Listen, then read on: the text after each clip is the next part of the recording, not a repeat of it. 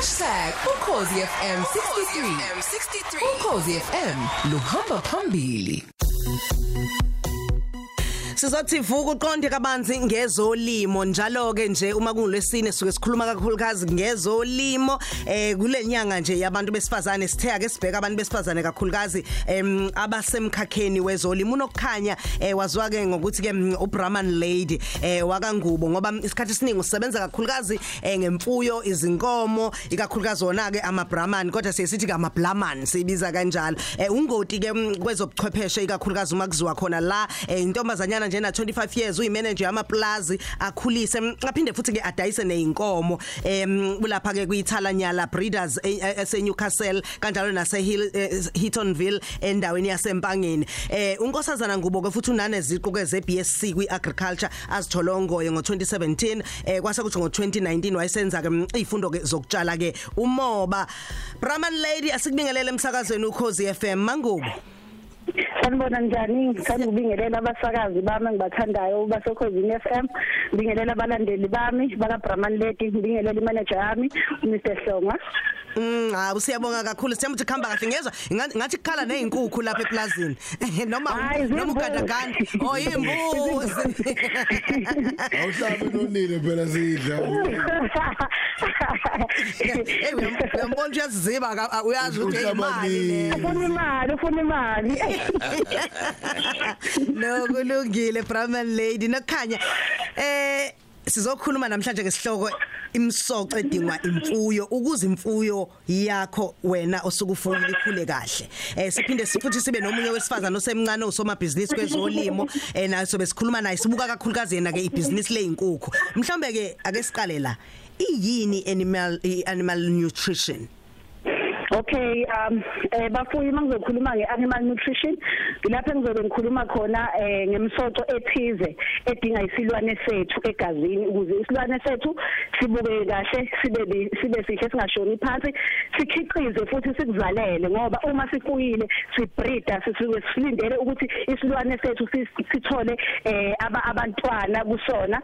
So i-animal nutrition ke suke sibheka ke lezo ithako ezithize eh, ezinga izakhamzimba uma ngichaza lapho khona esuke sengibala izithako emengaqambisela ngithi ngibala ama carbohydrates ama carbohydrates lapho sengikhuluma mhlambe ngesibonakaliso esiwumbila umbila ungenye ingxenye yama carbohydrates ama carbohydrates adingwa imfuyo yonke eh ngoba wona alekelela ukuthi ngenkathi isilwane sithola ama carbohydrates ama carbohydrates ayashintsha uma eseyohlala emzimbeni ahlale as amafutha. Vele abanye bathanda inyama enonile nanokuthi ke lama carbohydrates anikeza isilwane sethu umdladla okunye lapho sengingabala futhi ama protein ama protein aqikelelisa ukuthi isilwane siqina amathambo sihlume kahle amazinyo eh iziboya ngokunjalo ngoba siyazi ukuthi kuma protein so sengibheka nobisi ukuze kuthiwa imizela imbuzi noma inkomo kuthiwa incele phela ngoba phela ubisi lunezakhamzimba ezithize ezokwenza inkonyane lisheshe liqine ocalcium liqine amathambo likhule ngokusheshsha amazinyo zonke lezi zinto na maintenance nanokuthi isilwane sethu sikhiqize phela. Inkunzi nayo ikhuthale kanjalo nabesifazane inzikazi zethu zisheshe zibambe kanjalo nethole zethu zisheshe zibambe. In- inkomo ongashayi ofoyezi uthola ukuthi ayizali ingenxa ukuthi kunezakhamzimba ezingekho egazini. Ngidlule ngibale ama vitamin nama minerals ama vitamin nama mineral ayadingakala noma engekadingakale kakhulu esilwaneni. So abafuyi ngifuna namhlanje ukuba advise ukuthi abathenge imjovo bethenge o multivitamin bathenge o vitamin B kho lapho kusizakala khona isilwane singabi ne stress ngoba emhlabathini kuneminye imisoco engekho. So imjovo iyasiza njengosikeni yama abatholakala ku multivitamin basiza ukuthi isilwane sethu singahlaselwa izifo. Nanokuthi isilwane sethu sikwazi ukukhiqiza kahle. Bese ngizophetha ngibale amanzi. Abafuyi ngizoba encourage namhlanje ngizobagcizelela ukuthi abanikeze imfuyo amanzi ahlanzekile ngoba nabo ke beze bawaphuza amanzi angcolile. Ngingaboni lento yamaseli alga ebayenza abafuyi nezitsha ezingcolile. Abafuyi abawasha izitsha zamanzi banike inkomo amanzi ahlanzekile ngoba lokho kuvikela izilwane zethu ukuthi zingahlaselwa izifo. Ngoba uma isilwane sesigula kufika nezinye izifo ezingosomathuba nesilwane sakho asisathengeki sesishone phansi ngenxa yokuthi wena unikeza isilwane sakho amanzi angcolile. Mm, nokukhanya mhlawumbe nje ngingakakudedeli ngisekhaya ngibuka imfuyo yami ngilalele nomsakazo eh, ukhozi FM eh engaqala nje ngikuphawule kule mfuyo yami ngingakathola okuningi lokho kade sukubala okunye ngingakahlangani mhlambe nabalimi ebezobheka imfuyo yami. Yini into engayinothisa kuqala eh kuyinkomo yami eh, ukuthi khona okungahambi kahle? Ngiyibuka nje.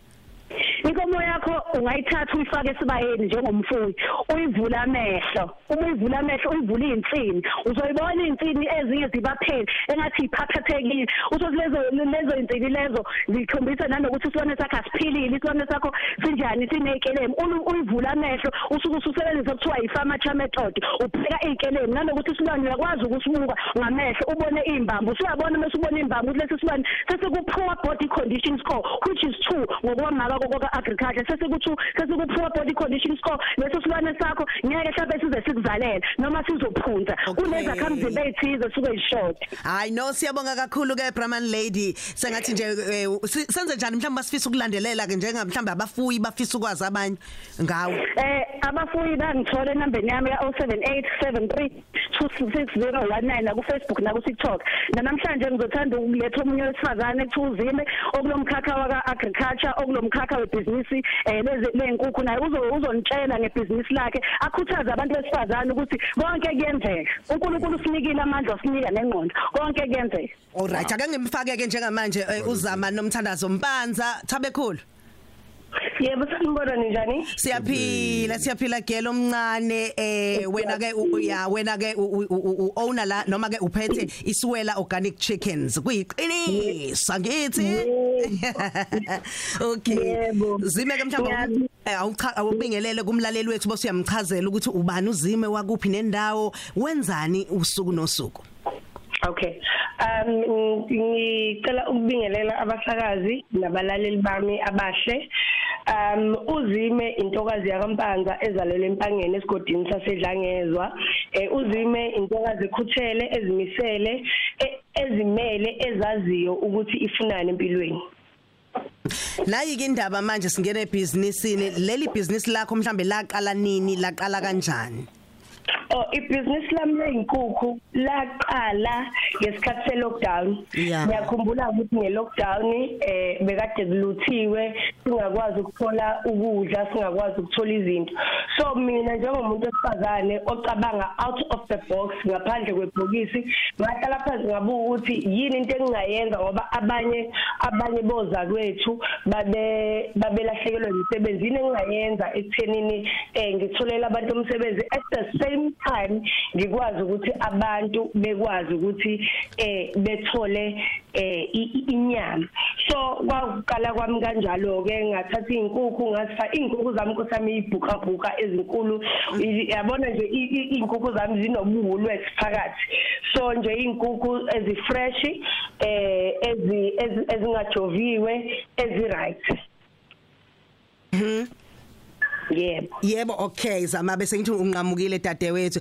Yikuphi ke mhlambe eh okuwusizo noma eh mhlambe ke ngithi nje othi nje mhlambe noma ofaka isandla ngakho ikakhulukazi emphakathini owakhelele libusiness lakho? Em ibusiness lami liyakwazi ukuthi likhuthaze intsha ngamabhizinisi eh futhi ngakhe amathuba emisebenzi ukuze ngikwazi ukubalekelela ekuthenini eh ngikwazi ukubekwazi ukubeka eh isinkwa etafuleni. So asigcini lapho siyagcina si- si- si- si- sihamba ekuthenini size sibafundise ngokuthi bekwazi ukuzimela bengadipendeli kubantu besilisa as abantu besifazane. Ikupho ngakusho nje ukugqugquzela abantu besifazane eh abasebasha ukuthi ke bangene kwezolimo eh siyazi ukuthi umuntu bane short term abe ne long term goal yakhe. Eh angifuni ukuthi ngi- ngoba ngibuza ngesizulu ukuthi uzibona ukuphi nani nani? Uvelele umuntu athi kodwa lo muntu ongibuza ukuthi ngizibona ngikuphi. Kodwa ke mhlawumbe ungafisa u- ukuthi mhlawumbe ube usuwenze ini kuleminyakana Em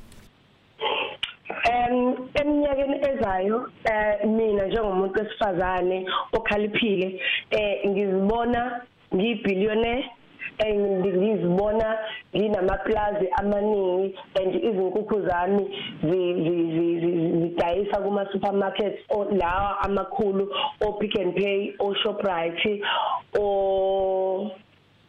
Shoprite o o Checkers ngiyakuzwa. Hawu, siyakubongela kakhulu umuntu omusha. Thabekhulu sandanezwe nongalo. Mavundla. Hayi yazi mina impela ngiyabonga siwela. kakhulu.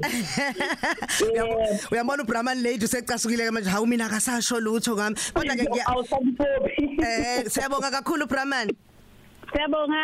Siyab- Bye. Siyabonga kakhulu ke bakithi wena unyama nencane yandele esandleni bahlaba inkomo basikelane bonke wena ke lo ingakho uthanda inkomo nje kulungile siyabonga ke Siyabonga. vuka uqonde kabanzi ngezolimo